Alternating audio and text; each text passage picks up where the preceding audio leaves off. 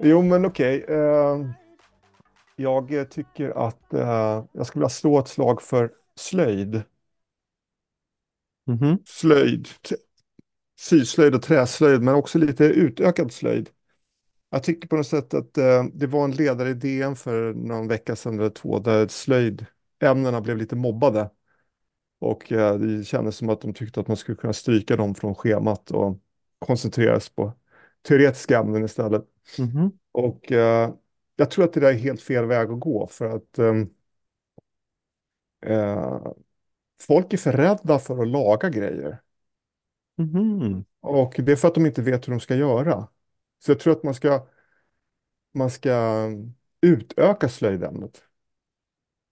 Man ska lära sig mer om hur man lagar kläder och, och prylar också. Mm. Inte vara så rädd för det. Har du något Det- exempel på, eh, alltså du är ju, Ja, men jag vakt- tänker- du är ju jag tänker så här själv, så att, Framförallt så tänker jag på liksom kläder kanske då. Man, jag läste senast i morse i tidningen att eh, det tillverkas ungefär 100 miljarder klädesplagg varje år. Mm. Varav hälften slängs inom 12 månader. Och eh, jag tror på något sätt att det här med second hand och slöjd skulle kunna, liksom, kunna komplettera varandra rätt bra. Att man får, um, att man lär sig på något sätt att, att sätta på ett par armbågslappar och, och, och lägga upp ett par Mm. byxor. Det är inte så jäkla svårt. Nej, men- Eh, nej men du har ju helt rätt. Jag, jag, jag var ingen, ingen stjärna i slöjden, precis. nej. Tvärtom hade jag, mina korsstygn var de fulaste min lärare någonsin hade sett. Så att jag, kände, jag kände inte riktigt då för att fortsätta med just eh, på den banan. nej, men Men, eh, jag tror att, jag, jag tror måste, nu tror jag att slöjden har förändrats säkert jättemycket sedan Mm. både du och jag gick i skolan. Men jag tänker så här, jag kommer ihåg att man fick lära sig typ sy en egen ny skjorta. Och det Mm. blev ju inga vackra grejer. Men, men jag tror att det, det är bättre att lära sig att em, laga saker. Och då tror jag liksom också så här saker hemma som går sönder, om det är en stol som tappar ett ben eller du vet så här. Att man, in, att man lär sig laga grejer. Ja. Det, och inte vara så rädd för att laga grejer. Nej, precis. Ehm, ja, men det är som med hem, hemkunskapen. Eh, Alltså, den borde ju kanske handla om hur man ställer sig i hyreskön. Stockholms bostadsförmedling och hur det funkar när man köper en lägenhet. Och hur man gör när man sparar pengar. Och, alltså så hur man skapar ett Avanza-konto kanske. Liksom. Ja, men det är också, men det är väl också bra att man lär sig liksom laga mat från grunden om det Ja, är lite grann ja, så, och, hur man, och hur man städar. Eh, Ja, men hur man, jag menar bara så här livskunskap. Och det här är en Ja. del av det. Det Ja, du nämner. praktiskt, ja, ja absolut. Ja, men, Det är eh, utökad slöjd. utökad slöjd. Och att den slöjden då kanske inte är till för att skola nya eh, skräddare. Liksom, utan, Nej, utan bara så här att, att man på något sätt kan ta hand om grejer och ge dem lite längre livslängd. Mm. Eh, och inte vara så snabb på att slänga någonting. Alltså klädskräpberget är ju brutalt. Eh, eh, och eh, jag vet inte. Jag har, jag har inga större förhoppningar att det kommer bli så här, men, men, eller förhoppningar har jag, men jag, jag tror inte att det kanske kommer bli så här. Men det vore ju schysst om det på något sätt också ja, s- spelade sig i mode, att det till och med så här, att det kanske blir liksom mode att eh, visa att man har lagat sina kläder. men man kan ju tänka sig att man skulle kunna införa skatt på att slänga saker. Alltså för de här företagen som producerar mer än vad de säljer. Och, och, och, och kastar resten. Att det blir väldigt dyrt att kasta. Absolut, Nej, det går nog både, både i tillverkningsledet och även slängledet att liksom göra saker och ting mer attraktiva att behålla. Mm. Jag, Nej, men jag jag, tänker bara, framförallt så handlar det lite grann om så här att jag tror att många människor kanske är lite, ja, de vet inte riktigt hur de ska börja, om de ska fixa ett par byxor eller sy ett par knappar ens, Nej. liksom, utan då, då, då skickar man den skjortan. Eller om man ska laga någon pryl hemma som har gått sönder. Att, äh, det är inte så många inte extra hur. knappar på skjortorna heller. nej, det är inte det längre. Utan det är kanske en. Ja, Och så har det, ja, sen är det två knappar som ryker och då ryker skjortan. ja. Men det, var det, egentligen, det var det som jag hade liksom snöat in på, slöjden lite grann. Slöjden. Mm. Bra. Du själv då? Ja, alltså jag funderar, alltså jag snöar in på saker hela tiden. Eh, så att jag visste inte riktigt vilken jag skulle välja den här gången. Eh, häromdagen, jag är alltså i, vi spelar in det här på distans, jag är ju i Sevilla. Mm. Eh, som förra vintern. Eh, för att eh, liksom bygga upp vitamin D-förrådet. Och jag gick med barnen i Expo-området häromdagen. Alltså, mm. Sevilla hade ju en världsutställning 1929 och en 1992. Mm. Och så byggde man den på en, vad ska man nästan säga, som en öde ö. Som ligger precis bredvid stan. Och så satt, alltså det, det här gick på nolltid och man byggde liksom en helt ny stadsdel. Eh, det är som ett enormt nöjesfält. Och man tittar på eh, videos på YouTube och så ser man det här fantastiska, den här fantastiska världsutställningen. Och så går man där idag. Mm. Och det är ju en ruin. Det är bara det, det, det är Nej, ingenting det, där. Det är, man går bara... det är typ Kista idag. Det är kontor. Så, ja, det är kontor, men det är ja. inget annat. Så det är totalt dött resten av dygnet. Mm. Och man ser rötter från träden som har liksom trycker ut eh, plattorna på trottoaren. Och det, så det, man, man, där det tidigare var liksom en, en liten flod så är det liksom bara en vass idag. Och man har inte tagit hand om någonting här. Mm. Jag, ja, så jag, jag är lite snöat in på eh, så videos från 92 för att visa barnen. Och så, så här såg det ut. Och nu går vi runt i ruinerna från något som var från 92, det är nyligen. Ja. Att jag har funderat, alltså, det jag snöat in på är så här, hur man rent stadsplaneringsmässigt skulle kunna fixa det. Typ, ja. In med lite radhus här. Alltså, det är ju bostäder som behövs och man måste förtäta. Och, och sen skulle man till exempel ha, kunna ha ett, nu är jag, inne på, jag är ofta inne på museer, men ett museum för världsutställningar kanske där någonstans. Mm, mm. Och lite guidade turer och så. Här, ja, det, det är väldigt synd, för jag tycker att det är spännande Spännande. Men är, är, är, liksom de här byggnaderna som var från 92, de här olika paviljongerna, är alla kvar? Nej, det, hälften kanske är kvar. Sveriges mm. paviljong är i Grythyttan nu och den här restaurangskolan.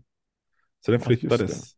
Ja, Japans paviljong som Tadao Ando gjorde, han, den är inte kvar, men den var världens största träbyggnad då på den tiden. Mm. Eh, Finlands var kvar, tittar vi på igår, den hade inga fönster. Alltså det är inte jättepraktiska byggnader. Vadå inga fönster? Alltså, Nej, men det, är bara, det är som en stor skulptur. Den är jättehäftig, men jag förstår inte, man vill ju inte vara i den, för det finns inga fönster. Nej. Som alltid gjort för att det ska vara coolt. Ja. Ungerns är, ser ut som en kyrka som också ser ut som en uggla. Det finns en rymdskepp som står plötsligt. En rymdraket okay. mitt i ingenstans. Alltså, det, ja, det var ju, man byggde ju för det halvåret som det var världsutställning. Ja. Men, och, men vissa, vissa byggnader används till vettiga, eller vettiga användningsområden. Men du menar det är blandat mellan liksom kontorsbyggnader och sen då lite misär för att, är, att man låter naturen löpa amok ja, ja, byggnader, precis. byggnaderna? Och allting ja. som är mittemellan är ju bara borta. Och en del mm. är ju inte användbart längre och då så är det ingen Nej. som ansvarar över det. Och vissa av de här byggnaderna är så överdimensionerade så det är så svårt att hitta i den här stan en hyresgäst antar jag som är intresserad av att ha de här lokalerna. Mm. Eh, men det är också det här 90-talets och 80-talets stadsplanering med de här stora boxiga kvarteren. Mm. Som man kanske känner i Kista till exempel. Mm. Mm. Det är svårt att göra mys av det. Ja, det är, svår, det är svårmyst i Kista också. Så det var den ena grejen. Men den andra mm. grejen är ju att vi har börjat blogga. Mm. Just det. Mm. Så att... Framförallt du, Jörgen. Ja, man kan väl säga 99,5. 0,1 jag eh, och faktiskt 0,9 du. Eh, hittills. Men det, jag gick igång på det här så mycket. Idélinjen.com är ju adressen till vår blogg. Så, att, så här, vi lägger upp lite länkar och lite saker vi har läst och mm. bara, bara för spara och för varandra och för eventuellt någon som, annan som har glädje av att ta del av någon annans inre algoritm. Liksom. Precis. Du får hem Knausgård på middag. Vad bjuder du på?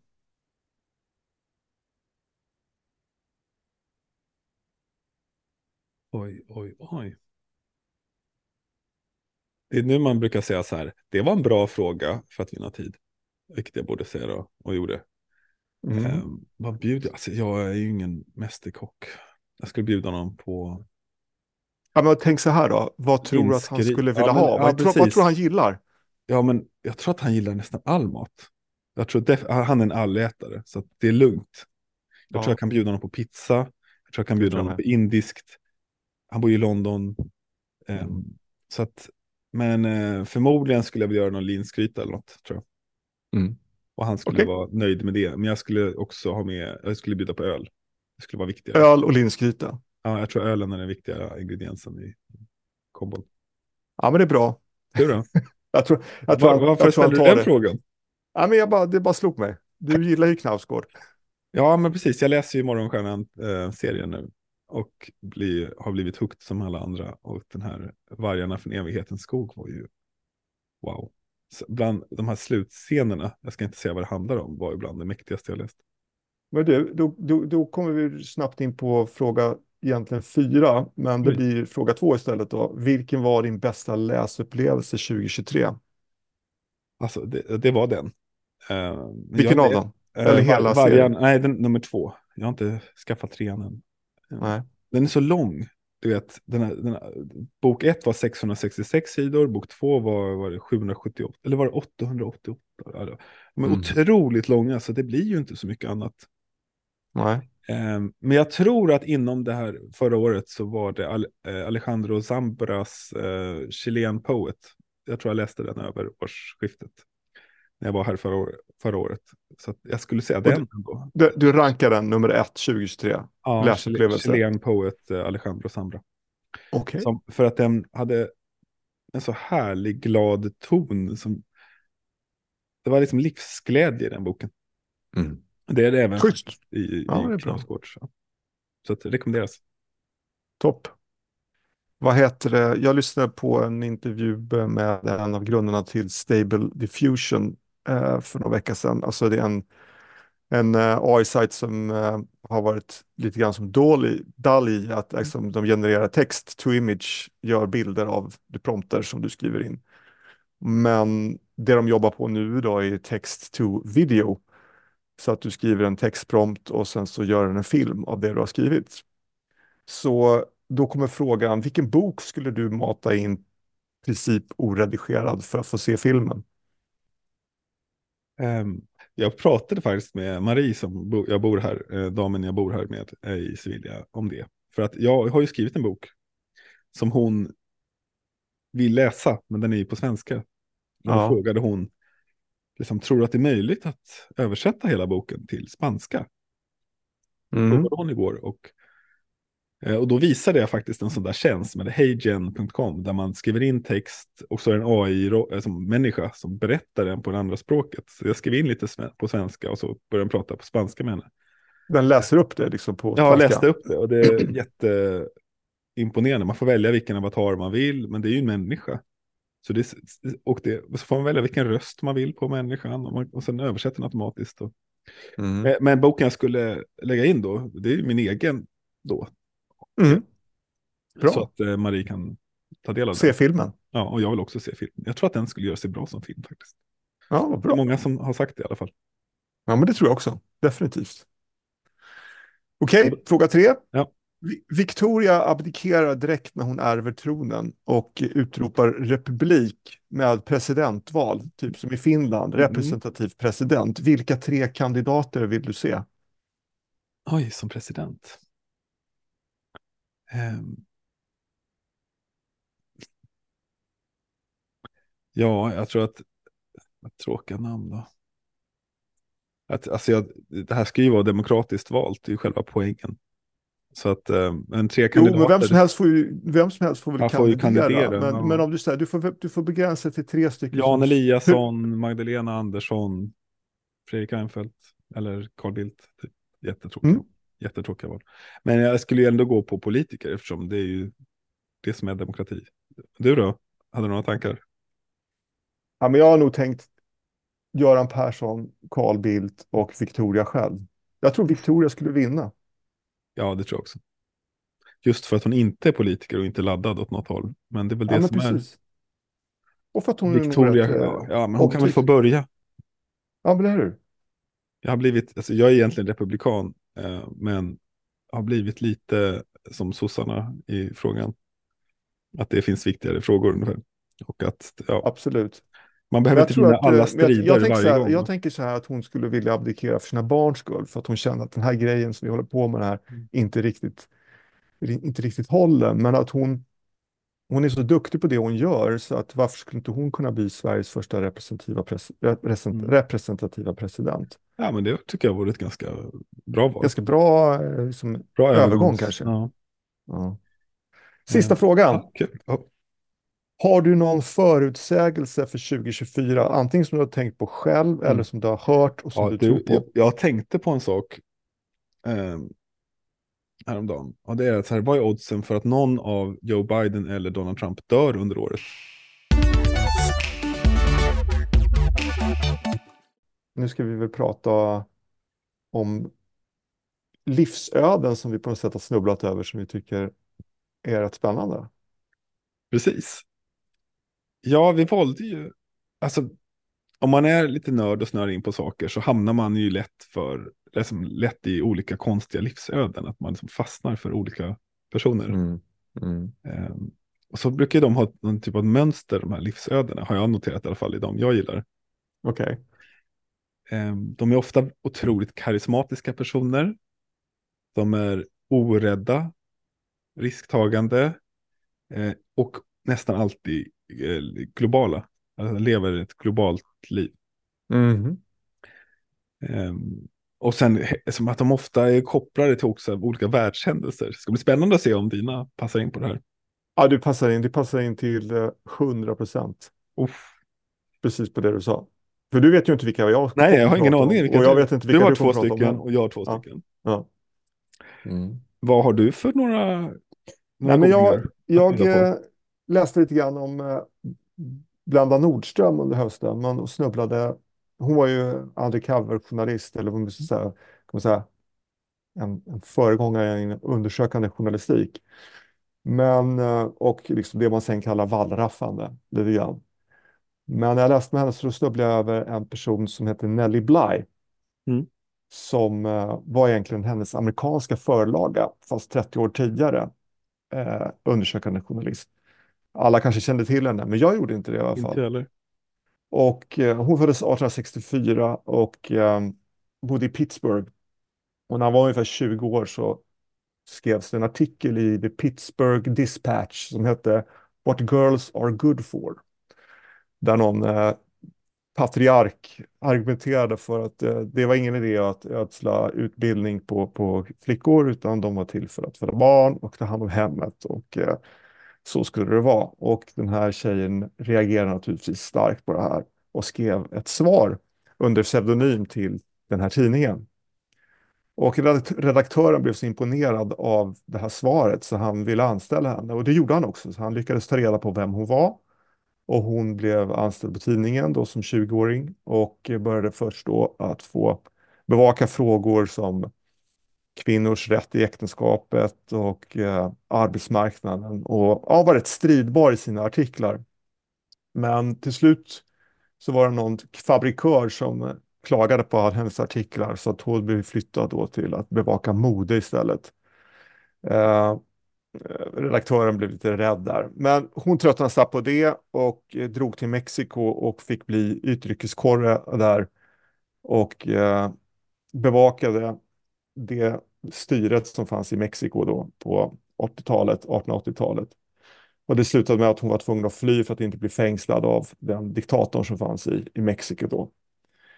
Hon drog då till New York och sökte massa jobb som journalist på olika tidningar men fick inte jobb för att hon var kvinna. Till slut var det dock så att Joseph Pulitzer som hade en tidning som hette The New York World anställde henne och gav henne ett uppdrag att undersöka ett eh,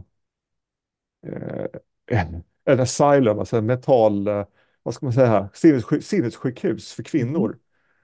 Så att hon, hon skulle liksom fejka att hon var sinnessjuk så att hon skulle hamna där och köra en undercover-journalistik där. Mm. Så hon tog in på något pensionat någonstans och bodde där och började bli mer och mer galen. Hon, hon liksom lät bli att sova och så, så hon skulle se härjade ut. Hon gav sig på andra gäster, uppträdde hotfullt och konstigt. Till slut så kom polisen och sydde in henne och, hon hamnade på den här Blackwell Island som mentalpatient. Herregud. Och hon var där då en stund till dess att tidningen kunde liksom få loss henne igen och hon kunde komma tillbaka och skriva ett reportage om hur det var att vårdas, vårdas som mental, kvinnlig mentalpatient på det här sjukhuset. Mm. Vilket då naturligtvis var katastrofala förhållanden som de kanske hade misstänkt innan och de då nu kunde avslöja genom den här metoden. Och då blev hon riktigt berömd och eh, följde upp det här med andra liknande reportage. Hon liksom låtsades köpa ett barn. Det fanns tydligen en marknad för att köpa barn på 1880-talet i USA och eh, gjorde massa sådana här reportage och blev liksom ja, namnkunnig på det sättet. Sen så samtidigt så kom ju Jules Vernes bok Jorden runt på 80 dagar ut. Eh, och hon läste den, alla läste den, det blev en bestseller och hon bestämde sig för att det här rekordet kan jag slå. Mm. Så att hon pratade med sin redaktör igen och sa så här, jag vill göra jorden runt fast på mindre än 80 dagar. Och han bestämde sig för att absolut, det får du göra. Och eh, några månader senare så gav hon sig iväg på den här resan och skulle då resa jorden runt, alltså minst 4000 mil, vilket hon också gjorde. Och hon gjorde det själv. Eh, och under resan genom Frankrike till exempel så träffar hon Jules Verne och liksom snackar med honom och han hejar på henne och hon grejar det här på 72 dagar. Och eh, tidningen gör naturligtvis nummer av det här och följ, folk kan följa hennes resa genom tidningen och folk får gissa på liksom hur, hur snabbt ska hon göra det här och läsarna blir engagerade. Och det är ju succé när hon kommer hem då naturligtvis och det görs liksom spel, alltså sällskapsspel. Du kan spela Nelly Bly's eh, resa runt jorden och, och sådana här saker så att hon blir berömd på det sättet också. Um, och uh, sen, när hon kommer hem sen så, så blir hon helt, ja hon blir liksom, hon är väl utarbetad helt enkelt. Så hon, hon slutar som journalist och börjar skriva romaner, äventyrsromaner istället, lite grann på temat det som hon själv upplevt då. Eh, men sen när hon, 1895, när hon är 31 år, då gifter hon sig med en Men, vadå, hon är bara 31? Ja, då, då är hon 31, 1895. Han är här fram till 31, okej. Okay. Ja, men precis. Och, och, och då gifter hon sig med en 42 år äldre herre, en Robert Seaman som är 73, som är jätterik miljonär som har ett, en industri. Mm -hmm. Och eh, ja, men då, då är hon med honom där och, och sen så börjar hon engagera sig i företaget och han vippar då några år senare. Så hon ärver allt det här och tar över den här, den här koncernen som det är och blir en av USAs liksom, största kvinnliga industrialister. Och firman eh, gör ståltunnor och konservburkar. Mm. Och hon liksom intresserar sig för det där och utvecklar produkterna och faktiskt söker och får patent på några lösningar inom konservburksindustrin som hon själv liksom utverkar. Så helt plötsligt är hon liksom ingenjör och utvecklar konservburkar och får patent på det. Men hon har ingen bra koll på ekonomi och blir liksom eh, upplurad av ekonomichefen på det här företaget som liksom på något sätt förskingrar pengarna och hela den här industrikoncernen går i konkurs. Det är jättedeppigt. Oj då. Ja, hon återvänder till journalistiken och börjar följa, det här, mm, följa eh, frågan om kvinnlig rösträtt. Men kör hårt på med det och behöver paus till slut. Och 1914 så åker hon till Wien för att ta det lugnt egentligen. Men då bryter han första världskriget ut. Ja. Och eh, då hör William Randolph Hearst, en annan tidningsmagnat, av sig till henne och frågar om inte hon kan bevaka kriget som journalist i Europa. Och det gör hon. Och hon eh, kommer till och med till fronten, jag tror det var mellan Österrike, eh, Serbien eller någonting i den stilen. Och där hon blir arresterad för att de tror att hon är engelsk spion. Och sen bara några år senare, efter kriget slutar, så dör hon 57 år gammal. Eh, en eh, riktig resa ändå, alltså, eller hur? Så många liv i ett liv. Jag gick på Drottninggatan längst upp på Drottninggatan finns det ett antikvariat. Jag vet inte om det varit där. Eh, Jo. Jag, vänt, jag tror att jag var typ, jag var 2004 kanske. Uppe vid, nästan vid Tegnérgatan. Ja, precis. Mm. Och bara skrotade runt där och så hittade jag en bok som hette Mannen som du dödat. Av Gustav Eriksson. Jättegammal bok. Bör- Började bläddra i den och köpte den. Eh, för att språket var så modernt på något sätt och lättläst och jag var ju inte så gammal, jag var 21 Mm. och var liksom i samma typ av anda i inombords som han var. Någon sorts, Mm. jag var jag var väldigt explosiv kände jag mig då. Tror jag. Och den här boken handlar om en man som kallas för Främlingen som kommer till London på vad är det, 20-talet. Och det här det är efter andra världs eller första världskriget. Så att han möter människor som lever i, ja, som lever i, i någon slags efteråt. Mm. Och, ehm, och han har, hans syfte är att han ska, han är en terrorist. Han ska springa av en bomb någonstans i London, den här främlingen, den svenska främlingen. Okej. Så det var en väldigt modern historia också. Men var på 20-talet eller? Ja. Eh, för att han, för, för han förespråkar eh, universalism och slut på krig. Han tycker inte att världens ledare har tagit det här på allvar, så han vill ja, spränga den här bomben. Och han är arg på hela mänskligheten. Mm. Så att det, är en, det, är en kombina- alltså, det är en kombination av han älskar mänskligheten och han vill döda hela mänskligheten på något sätt för förgöra den. Men, under den här, men han hamnar då på gatan då i London, börjar träffa en massa människor från hela världen. Från Indien, från Kina, ja, från resten av Europa, människor som har krigat, så kommer de tillbaka och så finns det inget att göra. Han börjar plocka fimpar på gatan för att samla tobaken. Mhm. Så att de så desinficerar tobaken och säljer tillbaka den till tobakshandlare sen. Det är så han tjänar pengar. Mm. Eh, och hela den här boken då, den är väldigt, jag- läste hela boken till slut. Eh, Ja. Den var jättebra. Och helt okänd svensk bok Ja. för mig då. Eh, så jag, jag minns att jag läste klart hela boken, tyckte jättebra om den. Tyckte, varför pratar ingen om den här? Eh, och den slutar också med, nej, spoiler alert om man vill läsa den, att han eh, tar sitt liv, Svensken i London. svensken i London. Ja. Mm. Och Gustav Eriksson då, den här författaren, började kolla upp. Och så visade det sig att det skrivits en bok om honom för några år sedan som heter Mannen som kom tillbaka från de döda. Ehm, och då är frågan, varför är Gustav Eriksson helt okänd idag? För boken blev hyllad när den kom ut. När kom han- boken ut då? Den här för första boken? 1932. Alltså, Okej. Ja, och han har också blivit hyllad av många svenska författare. Jan Myrdal tyckte att det här var, han var ett geni.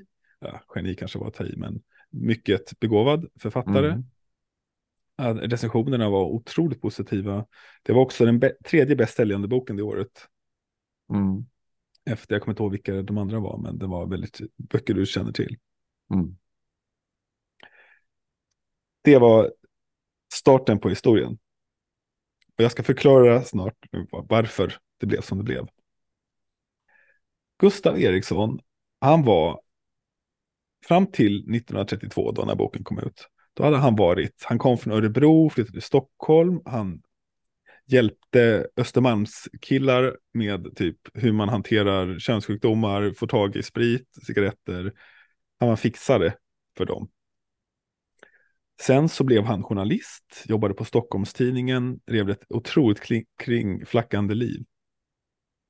Hamnade bland annat i USA, var i Hollywood. Han hängde med Majakovskij. Eh, och var yrkesrevolutionär, har jag för mig också. Eh, Var någonstans då? eh, I USA? Alltså han var ju, han var ju kommunist, så han, han, han Ah, jobbade ju för Sovjet. Ja. Och hans böcker, han skrev böcker också som gavs ut i Sovjet. Eriksson? Ja, översatta till, Ja. eh, till ryska. Vilket ju bara det är lite skumt. Här, varför? Mm. Det var inte många författare som blev översatta, så han hade väl gjort, Mm. utfört tjänster får man väl anta. Det är det som eh, Gustav, eh, Gunnar Pettersson spekulerar i, i boken. Eh, Så att fram till 1932 så är han ganska känd journalist i Sverige. Han är ganska känd författare, men inte superkänd. Mm. Han har gett ut lite böcker om sina resor i USA. För det var väldigt populärt under ja, 20-talet. Mm. Mm. Eh, Amerikaskildringar. Mm. Som var ganska bra, men ja, inte, inte så minnesvärda då. Och sen så skriver han en bok som blir refuserad av Bonniers. Ehm, och han blir rasande. För att han, att han blir refuserad, kan han, han har väldigt svårt att ta det helt enkelt. Mhm. Han verkar vara en, jag kan säga, han verkar vara en person av en personlighetstyp som du kanske känner igen. Mm. Mm. Liksom otroligt narcissistisk. Otroligt arg. Och det är antingen det ena, alltså svart eller vitt. Och det finns Mm. inga gråskalor i Gust Mm. Gustav Erikssons liv. Och sen så skriver han den här boken om sina upplevelser, för han har själv varit i London. Och för, jag förmodar levt det här livet. Så det var inte så svårt för honom att komma på den här handlingen. Och det är också det som gör den så bra. När man läser den och inser, det här går inte att hitta på. Är det ett. Och två, jag har aldrig läst något liknande. Att få en sån inifrån skildring av att leva i slummen. Ja, det, det finns ju andra sådana böcker såklart, men Mm. den är, Mm. den, är, den är skriven med sån precision och värme ja, faktiskt. Att i slutet av boken så börjar han älska mänskligheten och det finns en sån omvändelse. Som, som, som gör att den är oerhört tilltalande, i alla fall för en 21-åring. Nu när jag, den här Gunnar Pettersson tycker att den är lite daterad. Eh, men 21-åringen som läste boken tyckte inte det. Jag Mm. minns Mm. att jag liksom gick igång på den, så jag förstår att den Mm. blev en hit. Mm. Ehm, Men vad som då händer med, med Gustav Eriksson är att den här, han skriver ner de här, liksom, det han har lärt sig från London. Han kallar den för Arsenal vinner, boken först. Skickar in den till en pristävling som Bonnier har. Och, för, och, en av eh, liksom, vinsterna är att man blir utgiven helt, helt enkelt. Och det är en Mm. nordisk pristävling och han vinner inte. Och då blir han ju, ja, han har mycket svårt att acceptera att han inte har kammat hem vinsten. Boken bara ligger där, han tycker att den är jättebra. Den förra boken som han blev refuserad med, den han, som han också gjorde, jo- som gjorde att han blev rasande på Bonnier, eh, den tycker han senare är urusel. Mhm. Men han är fortfarande arg. För att det är ju ändå hans urusla bok. Mm. Men den här boken, den gillar han. Och vad händer då tror du? Ingen aning. Han, han är ju en sån där global globetrotter-fixare, så han känner ju andra sådana. Och då är det en snubbe som han sitter och snackar med.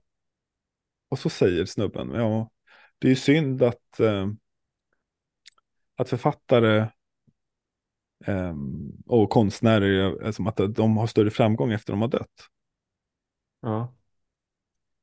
Ja, det är väldigt synd, säger Gustav. Och så bara kläcks idén. Du kan ju dö. Okej, så vad som händer är helt enkelt att Gustav Eriksson dör på låtsas. Mhm. Så hans kumpan Ostelius skickar manuset till Tidens förlag i Stockholm. Och skriver, den här boken är skriven av den nu bortgångne författaren Gustav Eriksson. Eh, och det är hans skildring av livet i East End i London. Och vad tror du händer? Nu vill de ha boken. Mm. Eh, så den här Han säljer in den, han säljer in Ja. den med självmordet eller? Ja, precis. Ja. Mm. Gustav åker till Paris. Så den här, hans kumpan Ostelius, som är en skojare och globetrotter, som också är, eh, bor i Paris, eh, han, han agerar sändebud. Och tanken är att att de också ska informera släkten om att det inte är ett riktigt självmord. Eller det hade inte har dött på riktigt. Men de, de glömmer bort det på något Mm. sätt. Mm. Det blir mer autentiskt då kanske. Mm. Så boken ges ut på, under de här premisserna att ja, men han är död. Och, eh, och blir en succé. Kritikerna älskar boken. Gustav bor i Paris. Och nu kommer person två in i bilden. Som jag, min, min andra person jag ska berätta om. Mhm. Det är hans fru. Gust, Gustav träffar nämligen en tjej i Paris. Okej. Agnes Paulsen, danska, 22 år gammal. Hon har vuxit upp i sju, åtta olika länder står det här. Det är lite oprecist.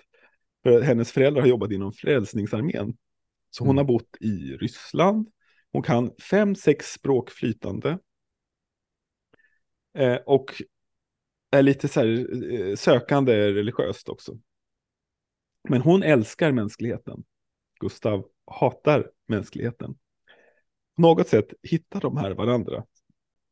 Agnes satt tillsammans med en väninna och läppjade på en kopp te. När deras blickar möttes verkade det som om världen trädde tillbaka för att ge dem utrymme. Och när den efter en stund kom tillbaka med sitt sorl och sina slamrande bestick och bullrande bilar tillhörde de varandra. Så enkelt och så banalt var det. Det var över på några sekunder, men det hade redan förändrat deras liv i grunden. Han vågade inte gå fram eftersom hon hade sällskap. Men han fruktade också att han inte var vuxen detta plötsliga, okomplicerade allvar. Allting var så fullkomligt självklart att han inte visste vad han skulle ta sig till.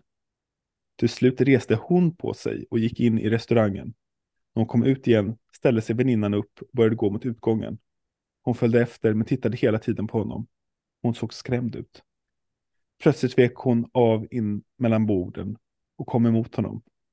När hon var alldeles nära räckte hon ut handen som för att vidröra honom. Istället la hon en lapp med sitt telefonnummer på hans bord och skyndade därifrån. Så träffades de. De Och- såg varandra på en restaurang bara. De bara såg varandra. Mhm. Och s- så gifte de sig. Kort, en kort tid senare. Men Gustav hette vid det här laget inte Gustav. Han hette Richard Houston. Mm. Eh, för jag vet inte, det verkar vara vanligt vid den här tiden att man kom över olika identitetshandlingar. Och det fanns tydligen någon eh, anarkist som hette Richard Houston som bodde i England under den här East End. Vad- är vi, vad, nu, nu hänger inte jag med. Är vi på 30-talet nu eller? Det är på 30-talet, 1932. Ja. Allt händer typ samma år. Allting. All right. Ja. Och han är Richard Houston, han är från Kanada och, och han har ju på något sätt, Gustav, liksom, det är någonting som är sant med det här självmordet. Han har liksom Mm. ett självhat som gör att han har ju behövt avliva Gustav Eriksson. Mhm. Han har inte behövt avliva kroppen, men liksom den här första identiteten måste dö. Så det finns någonting i det, och, men han har ändå introducerat sig som Richard Houston, som är kanadensare. Eh, för han har så, uppenbarligen sådana identitetshandlingar som han kommit Mhm. över. Mm. Och han hänger här med Agnes ett tag, och till slut så måste han ju bekänna vad som har hänt. Han är inte Richard Houston. Mm. Men hon tar det här med jämnmod och plötsligt så är det hon som skickar brev till förlaget i Stockholm som hans, som Gustav Erikssons änka. Mhm. Så Gustav liksom skriver ihop brev som hon då ska skicka som änka för att få in pengarna. Såklart. Från Mm. bokförsäljningen som går väldigt bra. Ehm, och Agnes liv är också ett sånt här spännande liv som hon har levt på så många olika platser, hon talar alla språk. Ett, ett sånt här globalt liv som man då tänkte att internet skulle föra med sig, men som redan fanns där innan. För vissa. Ehm, och hon ska också åka på en föreläsningsturné i egenskap av Gustav Erikssons änka för att prata om det här budskapet från boken. Ehm, och det här budskapet börjar ju bli lite mörkt. Här kommer också snart svaret på varför Gustav Eriksson är helt okänd idag. Gustav blir ju nazist. Och, ja, och, och det som Gunnar Pettersson skriver i sin bok är att den här oförrätten med Bonnier, det blev från att här, bokförlaget, bokförlagen vill inte ha mig till Bonniers vill inte ha mig till. Judarna ligger bakom allt. Det var hans liksom, Mm. resa. Från kommunist till nazist.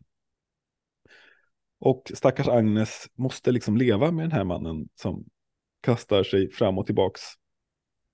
Men om vi ska då gå tillbaka till själva döden. Tidningarna i Sverige börjar ju få nys om att så här, "Ja, men vänta ett tag, är han verkligen död? För hans släktingar verkar inte känna till det. Mhm. Eh, så det här, den här historien slutar med att de åker till USA. I princip flyr till USA. Där de lever sina liv. Gustav har plötsligt uh, hanterar restauranger och är restaurangchef under många år. Han har två döttrar. De växer upp där i lugn och ro.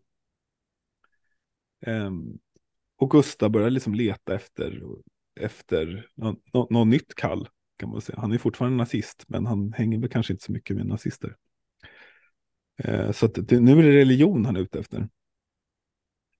Och så kommer stackars Agnes hem en dag. Hon har liksom kastats fram och tillbaka, fram och tillbaka. Och så säger hon att hon, hon har blivit katolik. Och Gustav har också flörtat med katolicismen, men han accepterar inte detta. För Agnes gör inte som han vill, antar jag. Så plötsligt så bara bryter han med henne och familjen. Och försvinner. Och som Gunnar Pettersson skriver i boken, att han, han är mästare på att försvinna, den här mannen. Och han försvinner och dör 1967. Har en fattig eh, mans begravning i Danmark. Hans syster och någon bekant går på begravningen. Mm. Eh, staten betalar liksom hela begravningen, socialen. Mm. Han har totalt gått upp i rök och ja, dör som ingen. Medan Agnes däremot, hon, behövde, hon, har, hon har blivit väldigt religiös med åren. Flyttar till England, eh, går i kloster, blir nunna.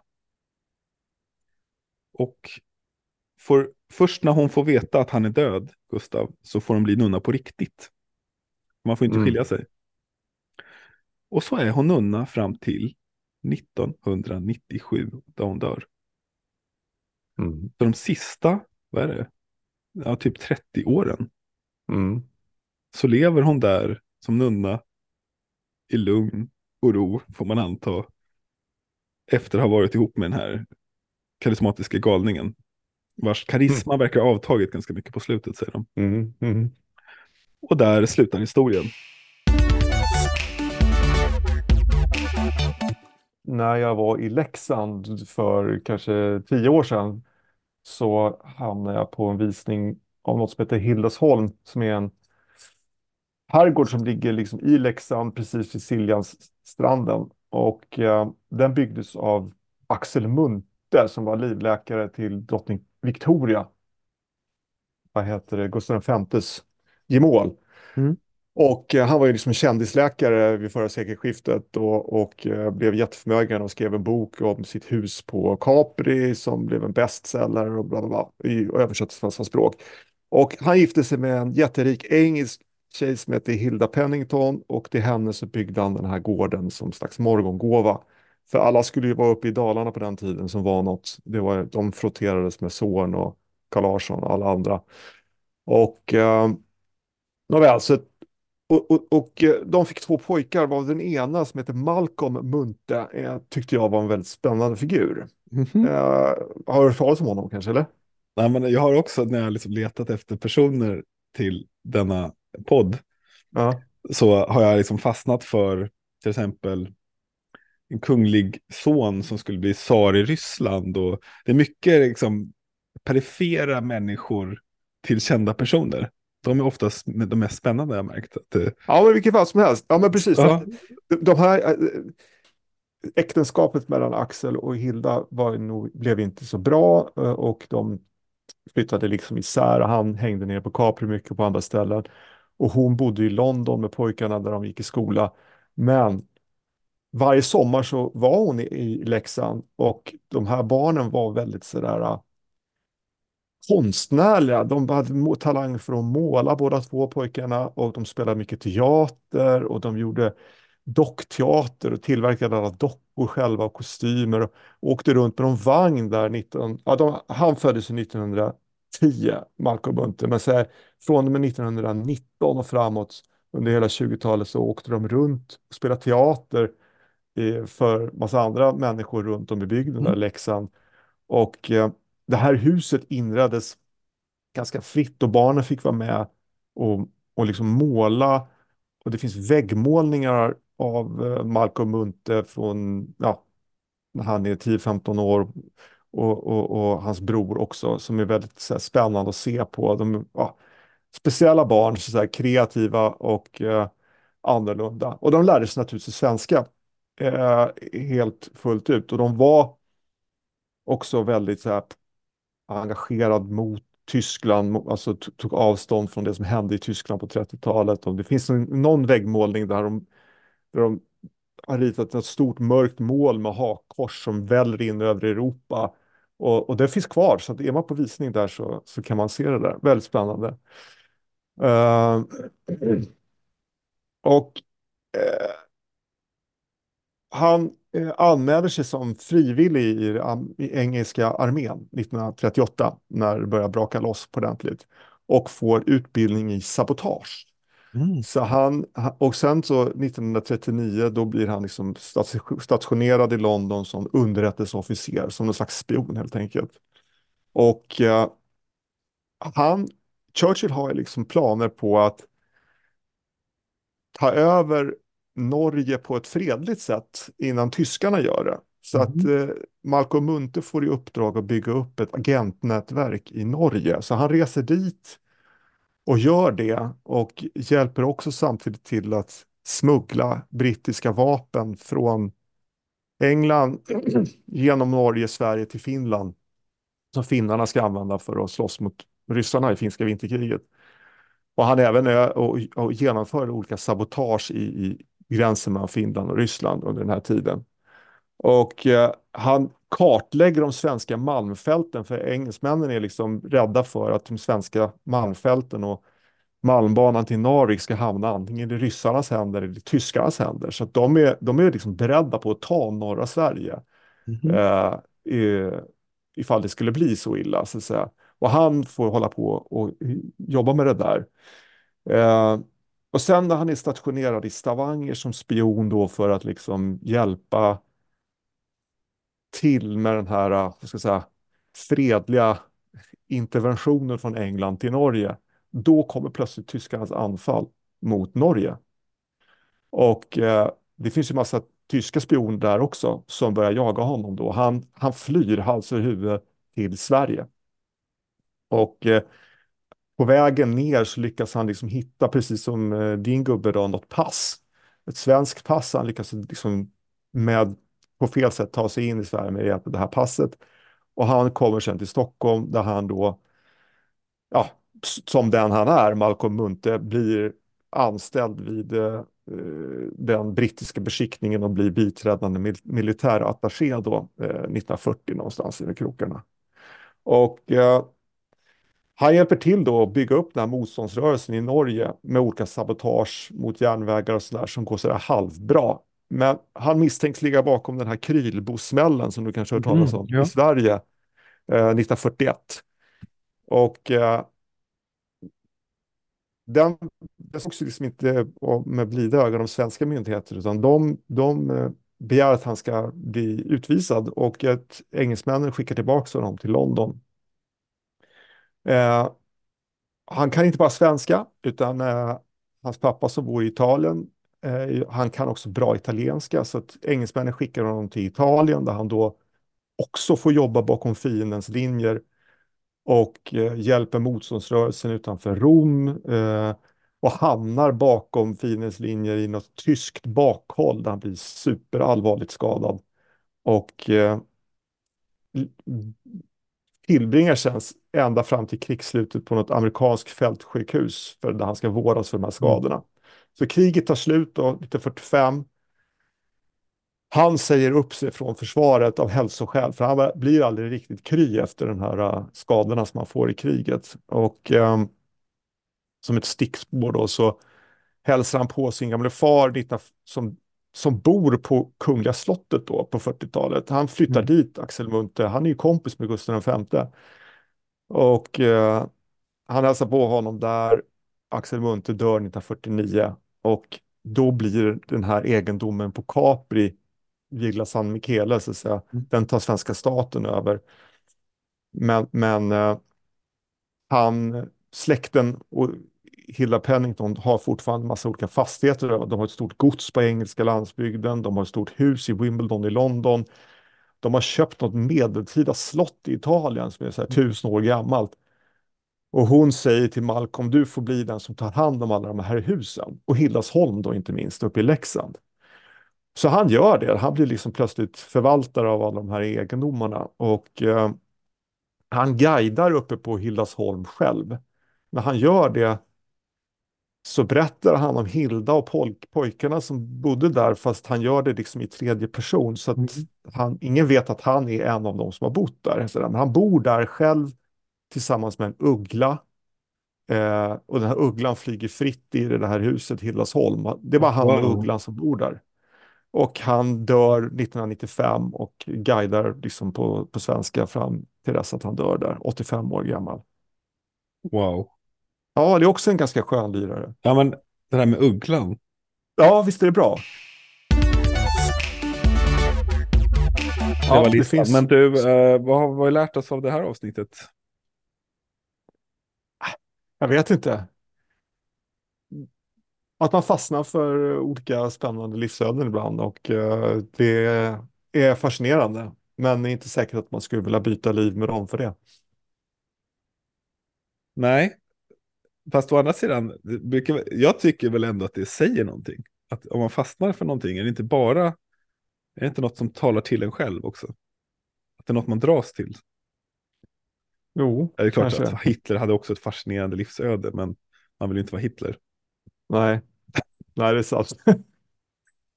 Men det är väl det där vi också blir påkopplade olika världshändelser. Ja, men Ja. Till exempel så här, Gustav Eriksson, han var, med, han var i New York under börskraschen 29. Mm. Han hängde med Majakovskij när Majakovskij var i USA. Han var i Sovjet. Eh, Han var i Berlin innan nazisterna hade tagit över. Alltså, Mm. Han var i Paris när Kryger eh, dog. Liksom. Mm. Han, liksom, de, de här människorna verkar ha liksom, osviklig förmåga att bara råka vara på de här platserna. Där, Mm. eller är det bara Mm. de som Mm. man vet om? Så kan det naturligtvis också vara. Eh, Men, eh, ja, men det är klart, de kanske dras till händelsernas centrum lite grann. Och vi andra sitter och poddar om det istället. Ja.